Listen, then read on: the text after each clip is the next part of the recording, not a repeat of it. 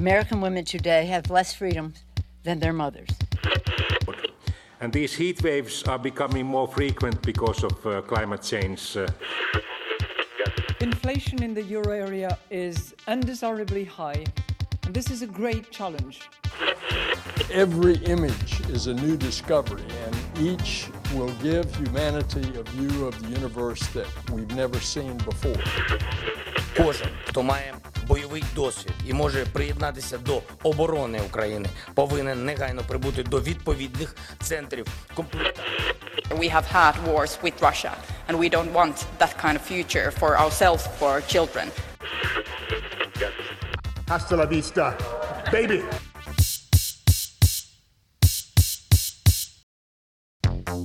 Þú ert að hlusta á heimskviður. Þáttin um það sem gerist ekki á Íslandi. Ég heiti Birta Björnsdóttir. Og ég heiti Bjarni Pétur Jónsson. Það má segja uppbygging og niðurrif, ris og fall, einkenni þátt dagsins. Við ætlum að skoða sögu Lego sem hefur verið upp og ofan. En núna gengur vel og fjárfestar farnir að kaupa Lego og kaupa eins og listaverk. Og selja lungu setna með miklum hagnæði. En við ætlum að byrja í Tyrklandi. Erdogan Tyrklandsfósiti ætlar sér að ná aftur kjöru í kostningunum í mæ, en stjórnarandstaðan hefur enn ekki komið sér saman um frambjöðanda gegnunum. Erdogan hefur verið fósiti síðan 2014, var áður fósitis ráðþeira í 11 ár þar áður borgarstjóri í Istanbul. Artakjans þar gæti orðið hans helsti keppinautur í kostningunum í mæ. Flokkur Erdogans hefur dalað í skoðanakönnunum en hann er slingur stjórnmálamæður, hefur sýrað í 12 kostningum í rauð og veit upp á hár hvernig á að heia kostningabáratu. Björn Malmqvist tekur nú við.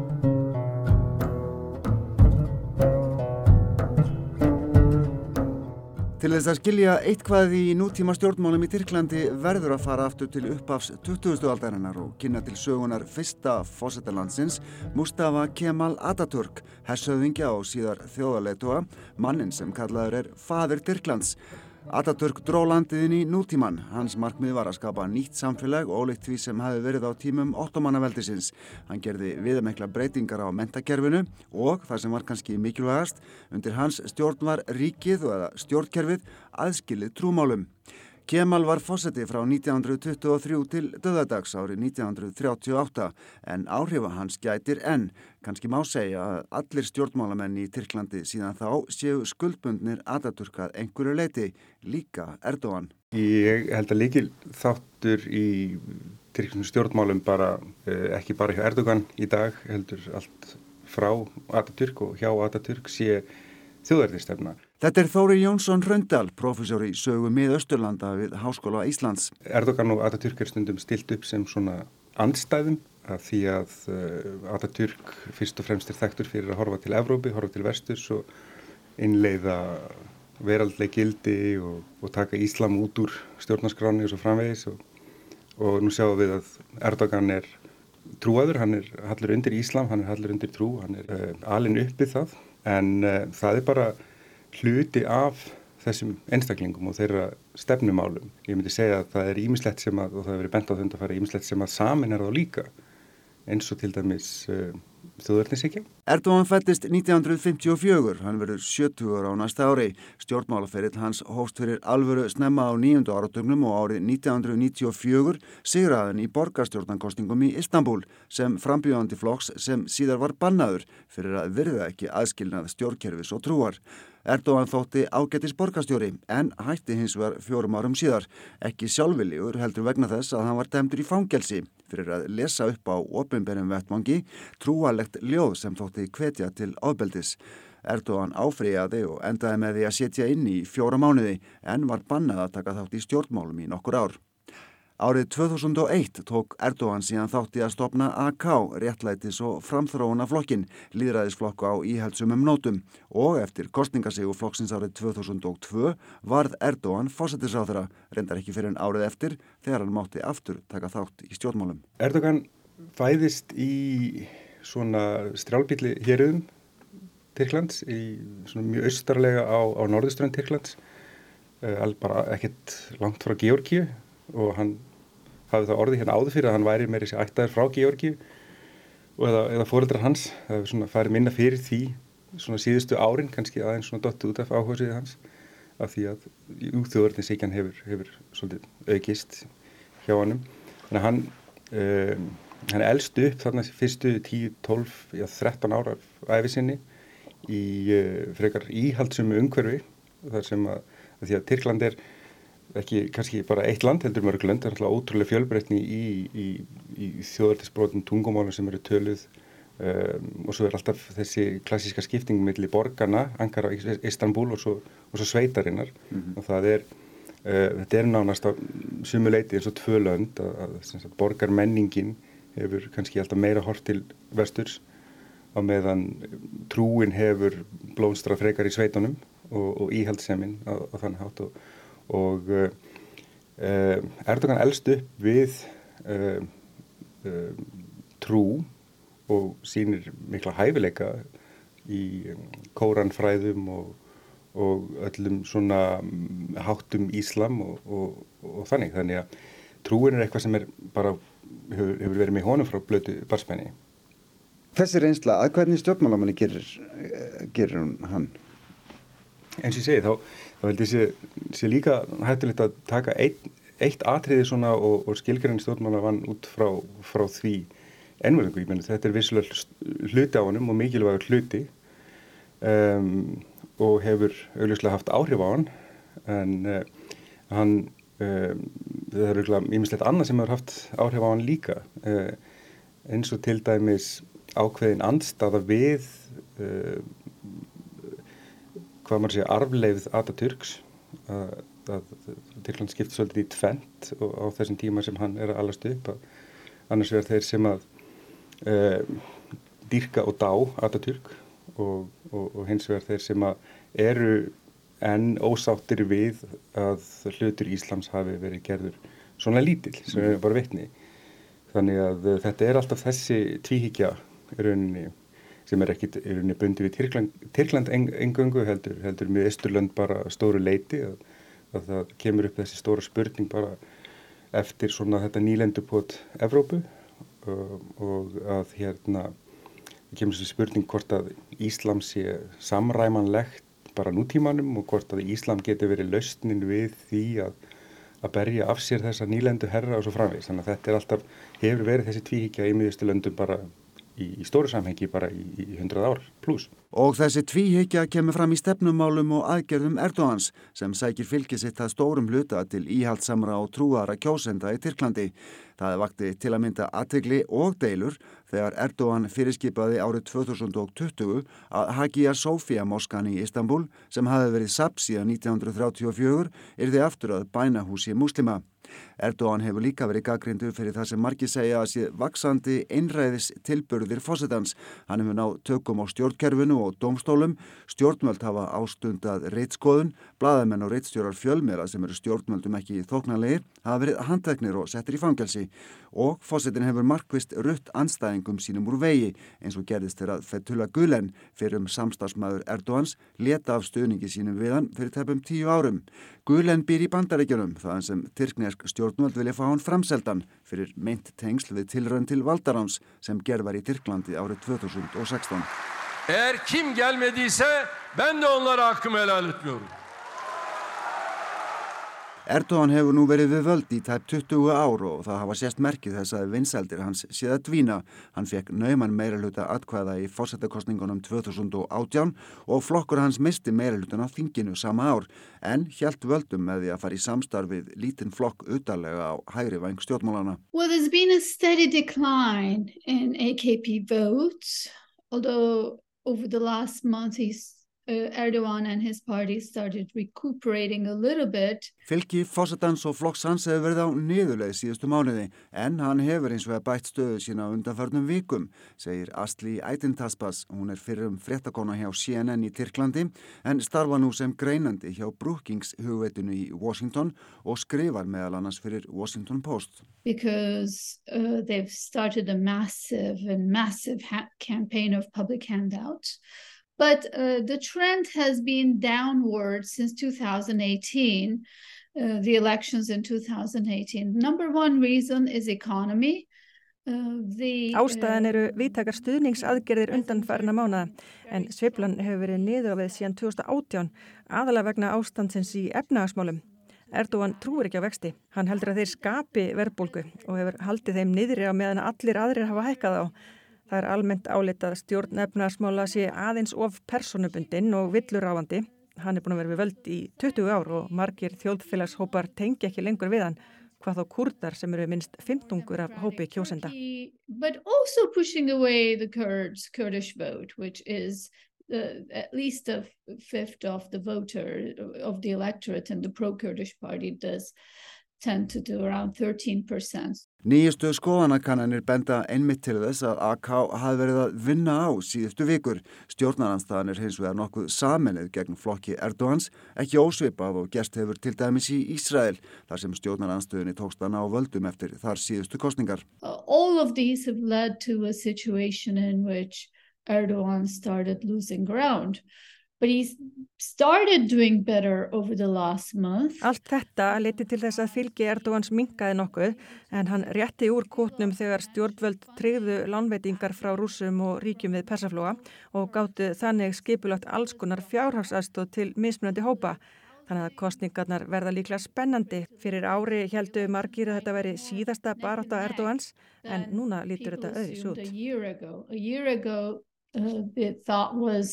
Uh, this was Erdogan's last stand and now it's a little bit uh, unclear. Sem dæmi, Erdogan hækkaði nýlega lámaslaun um 55%, laun ofinbæra starfsmanna um 30%, jók niðugreitar lánveitingar til yðnaðamanna og lítita fyrirtækja og stefnir að því að afnema lámasaldur fyrir líferi sem þýðir að um 1,5 miljón tyrkja geta hætt að vinna og farið á eftirlaun. Engin fyrða að fylgja hefði lagast aðeins síðustu vikurnar.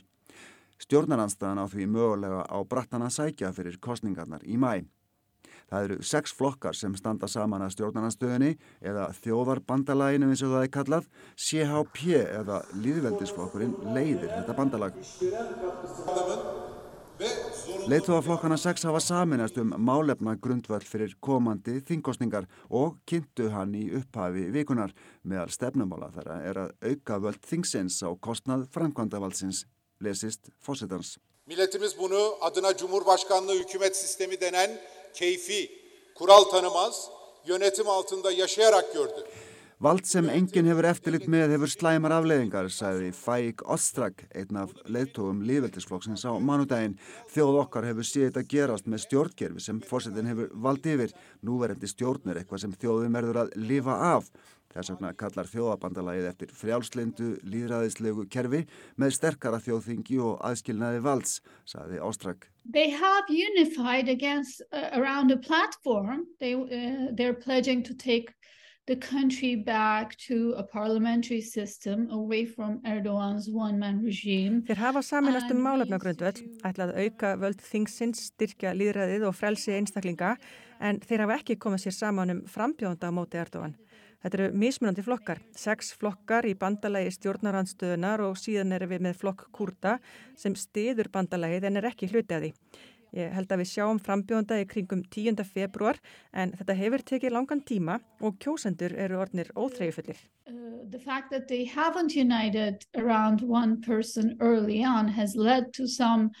um, you know, has become an, uh, a little bit of an anti-climax for the voters. Borgastjórun í Istanbul sem Ætintaspas myndist á hér að framann er reyndar af mörgum talin vanlegasti kosturinn. Hann heitir Ekrem Imamoglu, hann var borgastjóri árið 2019 þegar hann lagði frambjóðanda AK Flokks Erdogans með 13.000 atkvæða mun. AK kærði úslitin, kostningin var ógilt og endurtekinn og Imamoglu sigraði aftur, þá með mun upp á 800.000 atkvæði. AK hafi vel að merkja ráðið í Istanbul í 25 ár og Erdogan var borgastjóru þar á tíundu áratug síðustu aldar. Eftir kostningarnalisti Imamoglu vannþóknun sinni á yfirkjörstjórn landsins og kallaði ákvörðun hennar um endurkostningu kjánalega og það dró dilka á eftir sér. Í desember í fyrra var hann demdur í tveggjára fangelsi fyrir þessi ummali. Dómurinn var harlega gaggrindur, bæði innanlands og utan og litið á hann sem tilraun stjórnvalda og Erdogans fósetta til að losa sig við mögulegan keppinaut í kostningunum í vor.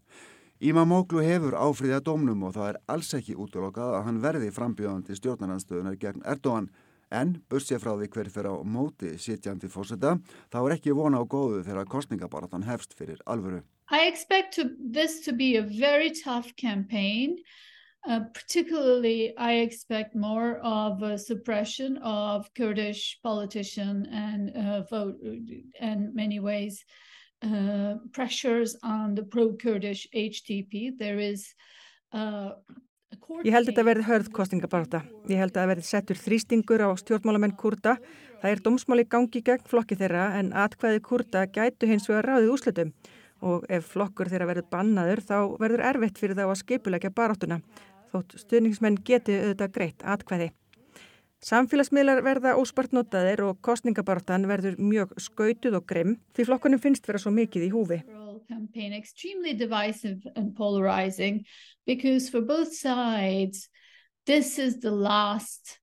uh, So I think we're going to see a very bitter campaign. Sem mun að einhverju leiti snúast um utanrikismál segir Ætin Taspas um Svíþjóð sem ásamt Finnlandi vil ganga í Allansansbandalæðið samþyggi allra aðeldaríkja þar til aðeins 2 af 30 eiga eftir að samþykja þessar umsóknir annars vegar Ungværiland þar sem tilstendur að afgreða málið innan nokkura vikna og svo Tyrkland þar sem stjórnvöld hafa verið að gera kröfur aðalega til svíja um að framselja meirinn 100 manns, kurda sem Tyrki segja bendlaði við hriðverkarsamtök og aðra Tyrki í Svíþjóð sem stjórnvöldi Ankara segja tengist Valdaráns tilrauninni 2016. Mótmæli sem lauruglænin í Stokkólmi hefur leift þar á meðal viðburður þar sem Kóranin, helgasta bók muslima, var brenda á almannafæri, hafa svo ekki bætt úr skák.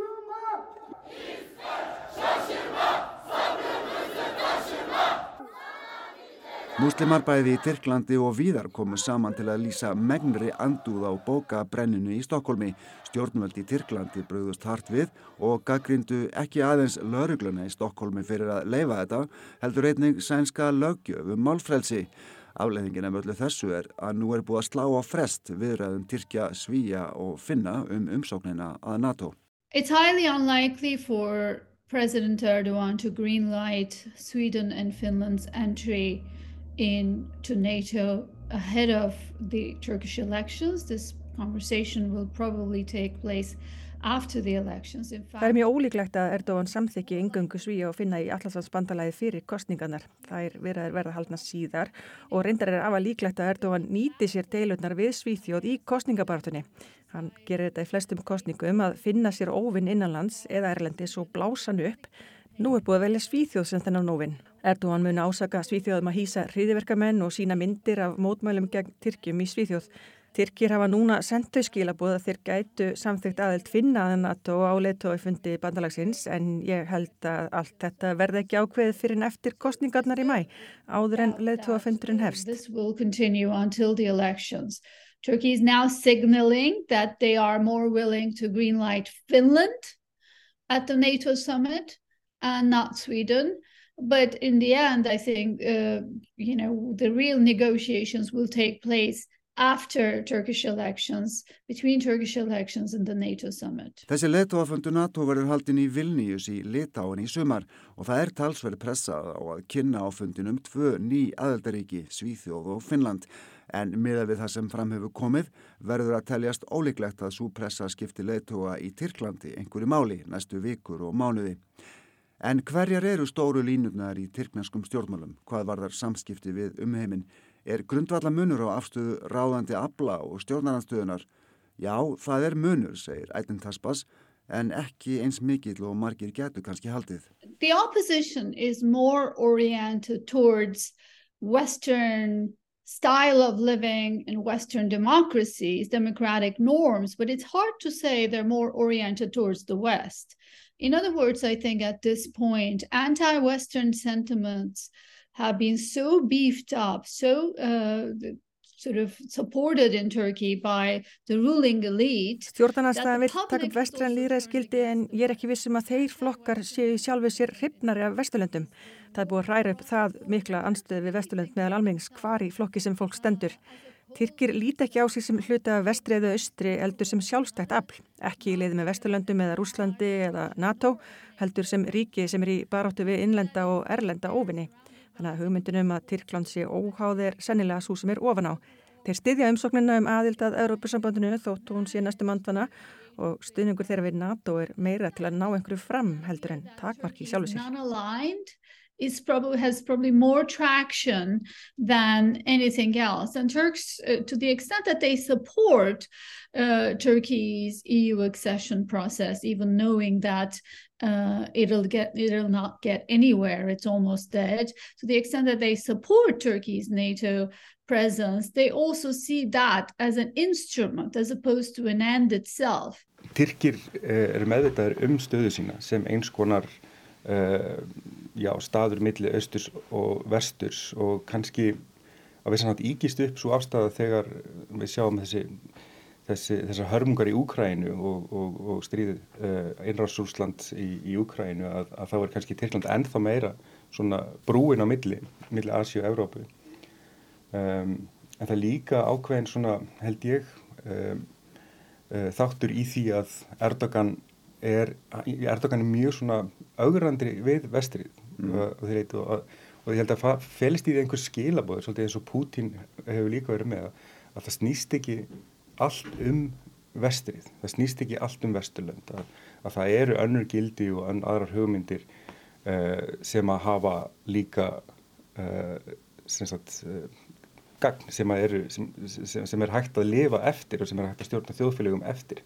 Ég held að þetta sé svolítið svona þessi hugmyndafræðilegi ágreiningur uh, núna eins og Putin orðaðan daginn einhver, fyrir einhverju síðan að, að hérna, hann, hann sæði ekki, ekki neitt tilgangi heimi án Rúslands að, og þetta er oft sem að held ég vandar í um, um, svona vest, vestrannu umræði er að sko, bara þegnar og stjórnvöld í þessum löndum og við getum farið víðar, meina Íran, Indland er, þeir eru gríðalegt stolt og gríðalegt hérna, saga og, og svona gríðaleg hefð sem að, sem að þegnar og stjórnlega þessar ríkja uh, uh, búa yfir og horfa á sjálfsig sem stórveldi þó það kannski sé ekki akkurat núna þá er þetta sögulega stórveldi uh, sem eru bara býð eftir að vera stór aftur Bjarni Petur, þú átt Lego, er það ekki? Jújú, fullt. Ég á ennþá með þessa Lego sem ég fekk sem barn. Ég hef búin að fara að gefa mínum strákum Lego, þannig að það máli segja að ég sé komin svona einn ringi kringum Lego sólinu. Og Lego er ennþá með? Auðvitað. Þú ættir allavega eiga hátt í 100 kuppa því að það er magnið sem er til af Lego kuppum fyrir hvern einasta jarðabúa. Og svo er til Lego kall fyrir hverja mannesku á jörðinni. Ég rýf alveg öruglega meðaldæli alveg, alveg heilmikið upp. Ætlaði ekki. En þú fórst aðeins svona yfir sögu Lego. Hver er kveikjan að því? Sko þessi saga fyrirtækis er bara um margt mjög áhugaverð. Ég komst með alveg að því að legokuppar voru framleitir hér á landi í um 20 ára tímabil á sérstaklega undan þáu vegna innflutningsbans á leikfengum. Og það er tilkomið vegna samstarfslego og SIBS en kupparnir héttu um tíma SIBS kuppar hér á landi.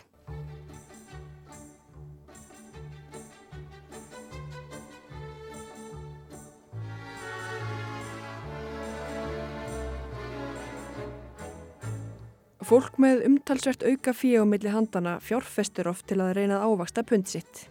Listaverk hafa ofta á tíðum verið talin vænleg fjárfesting til framtíðar en það hefur einnig fæst í aukana að fjárfestar kaupi sér legosett og selji síðar dýrum dómum.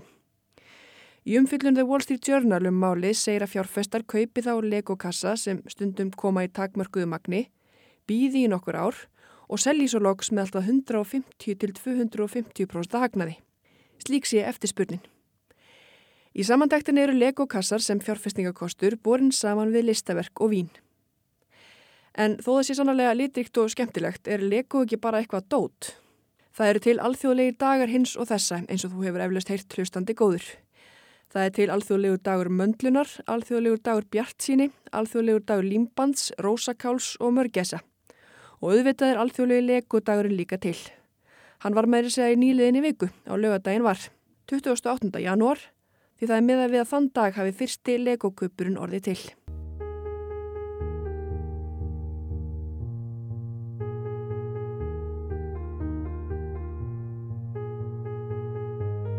Lego rekur sögu sína allt aftur til fjórða áratugar síðastleginar aldar. Kreppan mikla beit fast víða, meðal annars í Danmörku, þar sem verða á beikoni og smjöri til útflutnings hríðfjall. Danskir bændur komu verst út úr þessu sem hafið þær afleiðingar að þeir voru illa aflögufærir um kaupa á allskins varningi, húsgögnum og öðru. Það hafði svo áhrif á mannin sem hér er til umfyllunar, danska trésmiðin Óle Kirk Kristjansen. Og hann var farsæl sem slíkur.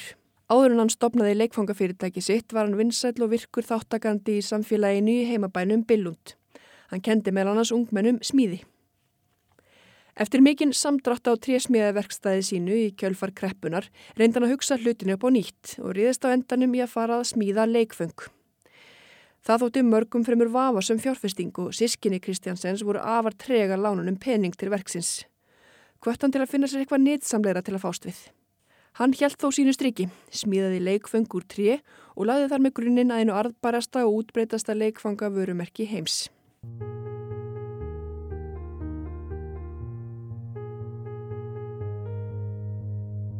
Fyrirtækið hétt Billund Maskinskneðri, trésmiða vestæðið í Billund.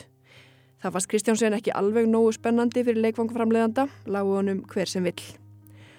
Hann emdi því til samkeppni meðal samstarfsfólksins um nýtt nafn á fyrirtækið. Vegleg verlaun voru í bóði, flaska af heimabrökuðu víni Kristjánsen sjálfs. Hvort sem það var vegna þess að hann langaði sjálfan í bokkuna eða einfallega af því að engar betri tillögur bárust, þá var það Kristjánsen sjálfur sem stóð uppi sem sigurvegar í nafnakeppni. Fjórastaf orðið Lego var fyrir valinu samsett úr dönsku orðunum læg gott eða lektu vel. Það var ekki fyrir einn lungu síðar að Kristjánsen varð ljóst að orðið Lego þýðir í latínu ég kalla saman eða kem saman, sem sannlega passar einni við það sem Lego-kuppar ganga út á. Vörumerkið Lego var fyrst notað ofinbeglega í janúar árið 1936.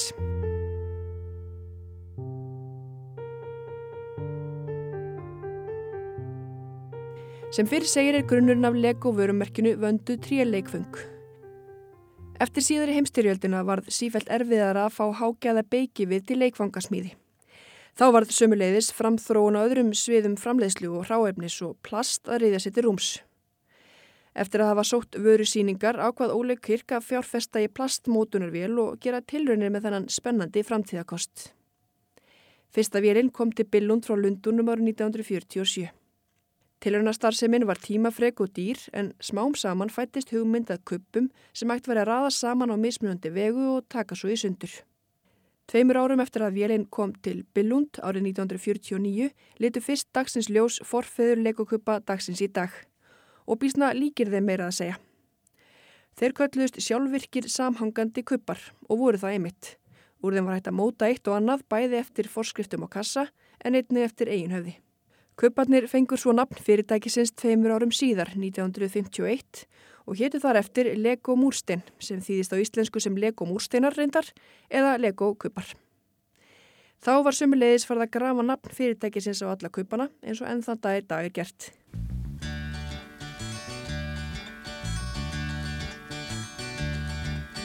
Kassar á lækjar bakka Littir kassar úr dingalingaling Á heimasíðu Lego segir frá óvenjulegu samstarfi Lego samsteipunar og sambands íslenska berglasjúklinga, SCBS, hér á landi. Á eftirstríðsárunum gildu hér eins og víða annar staðar strángar innflytningsreglur og leikfeng voru meðal þess sem ekki mátti flytja inn. Á Reykjölandi, heimili og vinnustad SCBS fór fram umfangsmikið leikfangaframleysla þar sem framleitur var meiri hluti þeirra leikfanga sem seldur var á Íslandi. Innflutningsbannið orsakaði það að landsmenn gáttu sannlega keft fallegu gullin frá Reykjalundi en enga legokupa. Gottfred Kirk Kristjánsen var tekin við stjórnartaumunum hjá Lego að föðu sínum. Honum þótti miður að missa sölu til kuppagladra Íslandinga og gerði fordamalösan samning við Reykjalundi upp á Íslandi. Reykjalundur fekk að leia hráefni og vélar til að framleiða legokupa hér á landi. Innflutningsbannið hamlaði því einnig að legokauparnir eruðu seldir hér í legopakningum frá Billund, svo legokauparnir héttu á árunum 1955 til 1960 SCBS-kaupar hér á landi. Þóð innflutningsbannið væri aflétt árið 1960 hjælt þetta samstarf Lego og SCBS sem er sagt óaðfinnanlegt á heimasíðu Lego áfram í 17 ár. Árið 1977 var svo komið að framleistan hér á landi helt illa í við alla þá framþróun sem var á vörum Lego og ákveði var að hætta framleislunni hér. Þó framleislunni væri hætt heldur landsmenn áfram treyð við kaupana og árið 2012 keftu Íslandingar fleiri Lego kaupa á mann en nokkur önnur þjóð sem selur kaupana. nema hvað. Littlir kassar á lækjar bakka Littlir kassar úr dingalingaling Littlir kassar, littlir kassar Littlir kassar, allir eins Gottfred Kirk Kristjansen var þriðji í röð fimm barna stopnanda Lego. Hann var hægri hönd föðu síns og við að koma fyrirtækinu á laggirnar frá unga aldri. Sæði reyndar frá því síðar að hans fyrsta framlag til fyrirtækisins hefði verið að kveikja í leikfangavekstaði föðu síns fyrir slistni þegar hann var aðeins fjögur ára gamall. Allar götur eftir það reyndi hann þó frekar að stuðlað uppbyggingu fyrirtækisins fremur en niður yfi. Reyndar varð annar eldsvoðir síðar meirað enn meiri krossgötum í sögu fyrirtækisins. Í februar árið 1960 brann trésmiðaverstaði fyrirtækisins til kaldra kóla. Gottfried ákvað við það tækifæri að hætta framleiðslu á tréleikföngum undir hatti Lego. Þau voru engöngu seld innan Danmörkur en hróður plastkupana var farin að berast víðar, meðal annars til Þýskalands og víðar í Evrópu. Allur tími Gottfrieds fór í hönnun og hugmyndavinnu og bakvið Lego til framtíðar. Árið 1963 kynntan til sögunar tíu grunnhugmyndir og engkenni Lego-varana. Festar í sessi fyrir alla sem hanna, selja og leika með Lego. Númer 1. Ótakmarkaðir möguleikar til leiks. Númer 2. Fyrir stelpur, fyrir stráka.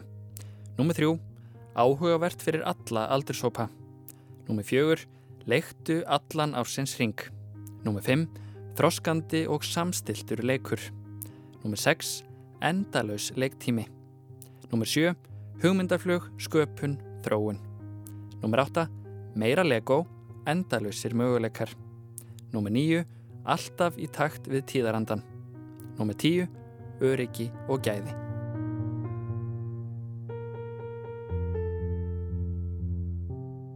Og á þessum gildum og auðvitað upphaflegu hönnuninni byggðist sívaksandi fyrirtækið sem á sjötta og sjönda áratögnum fjárfesti í ímiskonar vélum til að koma til móts við sífælt aukna eftirspurn eftir legoköpum. Grunn hönnunin eru punktarnir á yfirborði hvers köps og hólunar undir honum sem hægt er að festa saman að vild.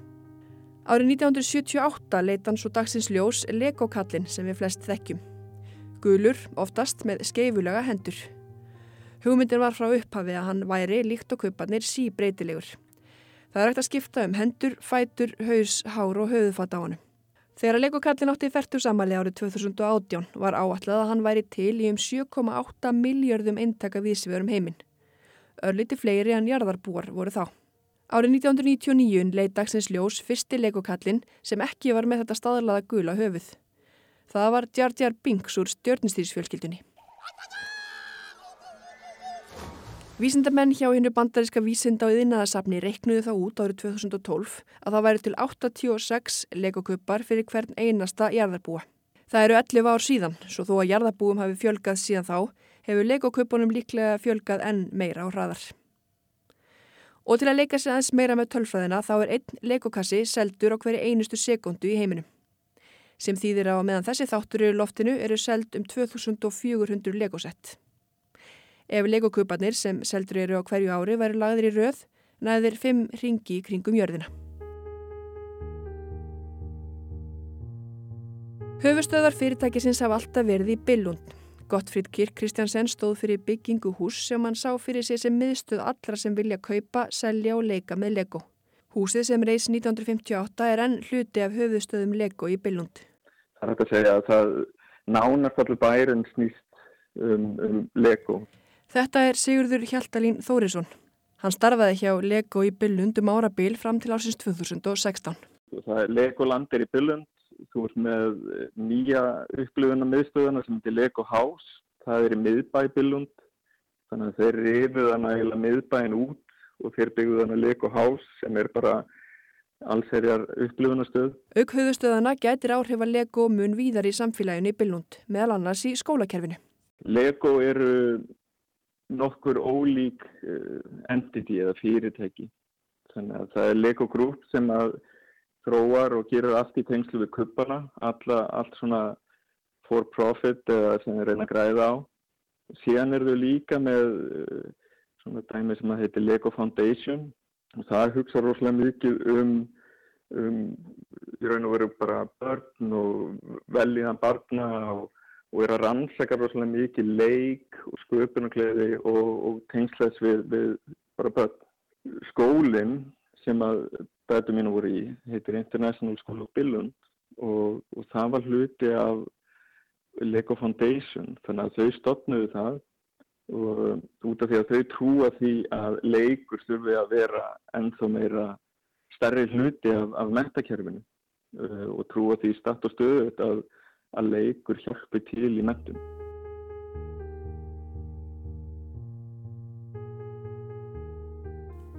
Seint á 8. áratögnu var Kjell Kirk Kristjansen tekin við stjórnatöfunum í Lego. Þriðja kynslu Kristjansen fjölskyldunar, hann var sonur Gottfríds. Hann kynnti til söguna nýtt viðskiptalíkan sem notast er ennþann dag í dag við og það kallast kerfi innan kerfisins. Það fyrsta var undanfæri vörulínunar sem í dag kallast Lego City og er einmitt kennimerki í borgum, íbúðarhús, lauruglustöðvar og annað slíkt. Síðan þá hafa næsta óteljandi kerfi innan kerfisins, óteljandi heimar, personur og aðstæður rataði Lego-kassa. Avatar og Simpson, allir í Marvel heiminum og ömmur þeirra flestra líka, Friends og Seinfeld, Bang Simon og Elmo, Minions og Minecraft og svona mætti lengi, lengi telja. Lego setur á markað um það byrj 850 ný setta á hverju ári. En ólíkt Star Wars, Minecraft og öllu hinnu, þá er sumt eins og Lego City hannað frá grunni hjá Lego. Hér er fyrir um Lego starfsmæðurinn Sigurði Hjaltalín aftur.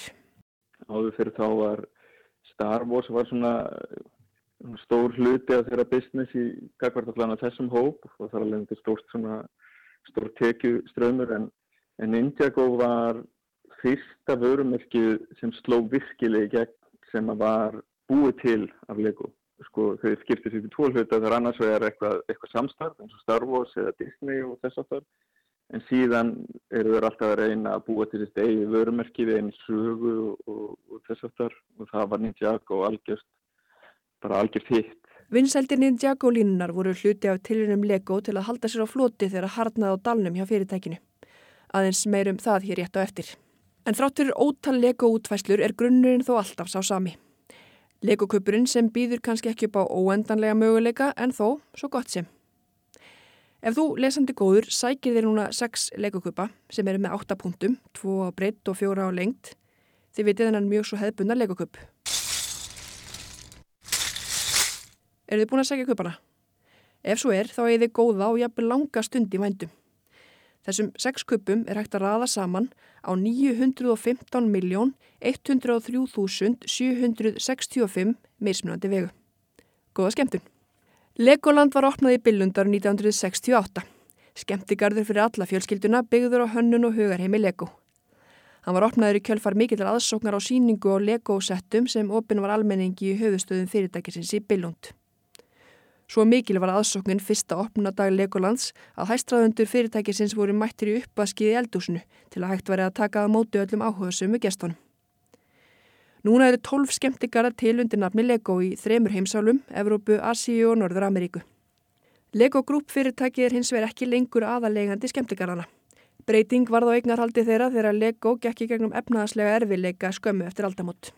Já, eins og fyrir var getið þá hefur nefnileg ekki alltaf gengið vel hjá Lego. Lega og leikfangafyrirtæki á í gríðarlegum rekstrarerfileikum að búa stjórnendur þar við að rekstratapið á þessu ári nefni jafngildi 23 miljardar króna. Egið fyrir fyrirtækisins hefur minkað um helming á tveimur árum og stjórnendur segja að ekki séum annað að ræða en rífaseglin. Það þýðir uppsagnir um 1000 starfsmanna, þar af missa 200 manns í Billund, heimabæ Lego vinnuna. Þetta var í fréttum árið 2004. Fórstjóra skipti urðu og fyrirtækið tekið til gagngerar endurskúðunar. Nýrforstjóri Pól Plóman fór aftur í grunninn, í leikin. Hann reyði mannfræðinga sem fyldust með barnafjölskyldum í bandaríkjunum og Þískarandi mánuðum saman. Þeir heldur dagbækur og fyldust með fjölskyldunni við leik og störf til að reyna kortleika þörf og væntingar í leik. Það átt að koma á betri tengingu á milli framleiðandans og neytandans undir nýju mottói fyrirtækisins, hvetjum byggingameistara framtíðarinnar. Þá var sömuleiðis lögð áhersla á að styrkja tengsli með fullorna kuppara og að hanna nýja vörulínur eins og Ninjago. Lego hefur átt í alls konar samstarfi gegnum tíðina, mest í gegnum mentunar og fræðsluvörur og hönnun fyrirtækisins. Meðal þeirra sem Lego hefur unnið með eru MIT háskólinn í bandaríkjunum og bandaríska geimferðmiðstöðin, NASA. Ekki hefur þó öllu samstarfi Lego verið vel tekið. Þessi frétt er frá 2014. Alþjóðasamtök grænfriðunga hafa skorið upp herur gegn danska leikfangaframleðandanum Lego vegna samstarfs hans við orkurissan Shell. Samtökin segja óviðigandi að barnaleikfeng séu mert fyrirtæki sem heldur stórfældum umhverfisbjöllum. Bensínstöðvar í Lego heiminum voru mertar sjálf, auðlýsingarsamningur sem þá var metin á 13 miljardar króna. Lego-kuppurinn var valinn dót síðastliðinar aldar af henni bandarísku fræðarhöll leikfangana. Já, hún er til. Kupparnir eiga þar heiður sess í fræðarhöllinni á samt Barbie, Crayola-vakslitum, Monopoly og Bánsanum. Mun fleiri verslanir og samtök hafa sömulegis valið Lego leikfang síðastliðinar aldar. Það takir lengri tíma en við höfum hér að tellja upp alla ánga sem Lego tegis í. Það er til Lego tölvuleikir og Lego fatnaður og árið 2014 var fyrsta Lego kvikmyndin Lego Movie frumsýnd.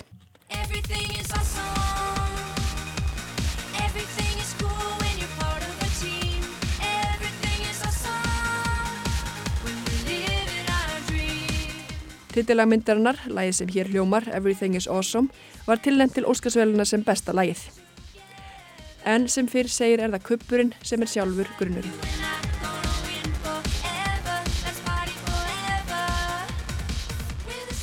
Það sem gerir leik og sérstaklega og einstaklega er það að leikurinn sem að fara í í raun og veru þegar þau eru að leika sem leik og hann er, hann er gefandi og, og hann, hann bætir einhverju meira við heldur en en ekki aðsala bara svona típisku hlutverkaleikur eða eða rúla bíl áfram eða þess að það er, það er líka þau element en það er líka það að, að þú ert að vinna með höndunum, þú ert að fá eitthvað út og þú ert að skapa.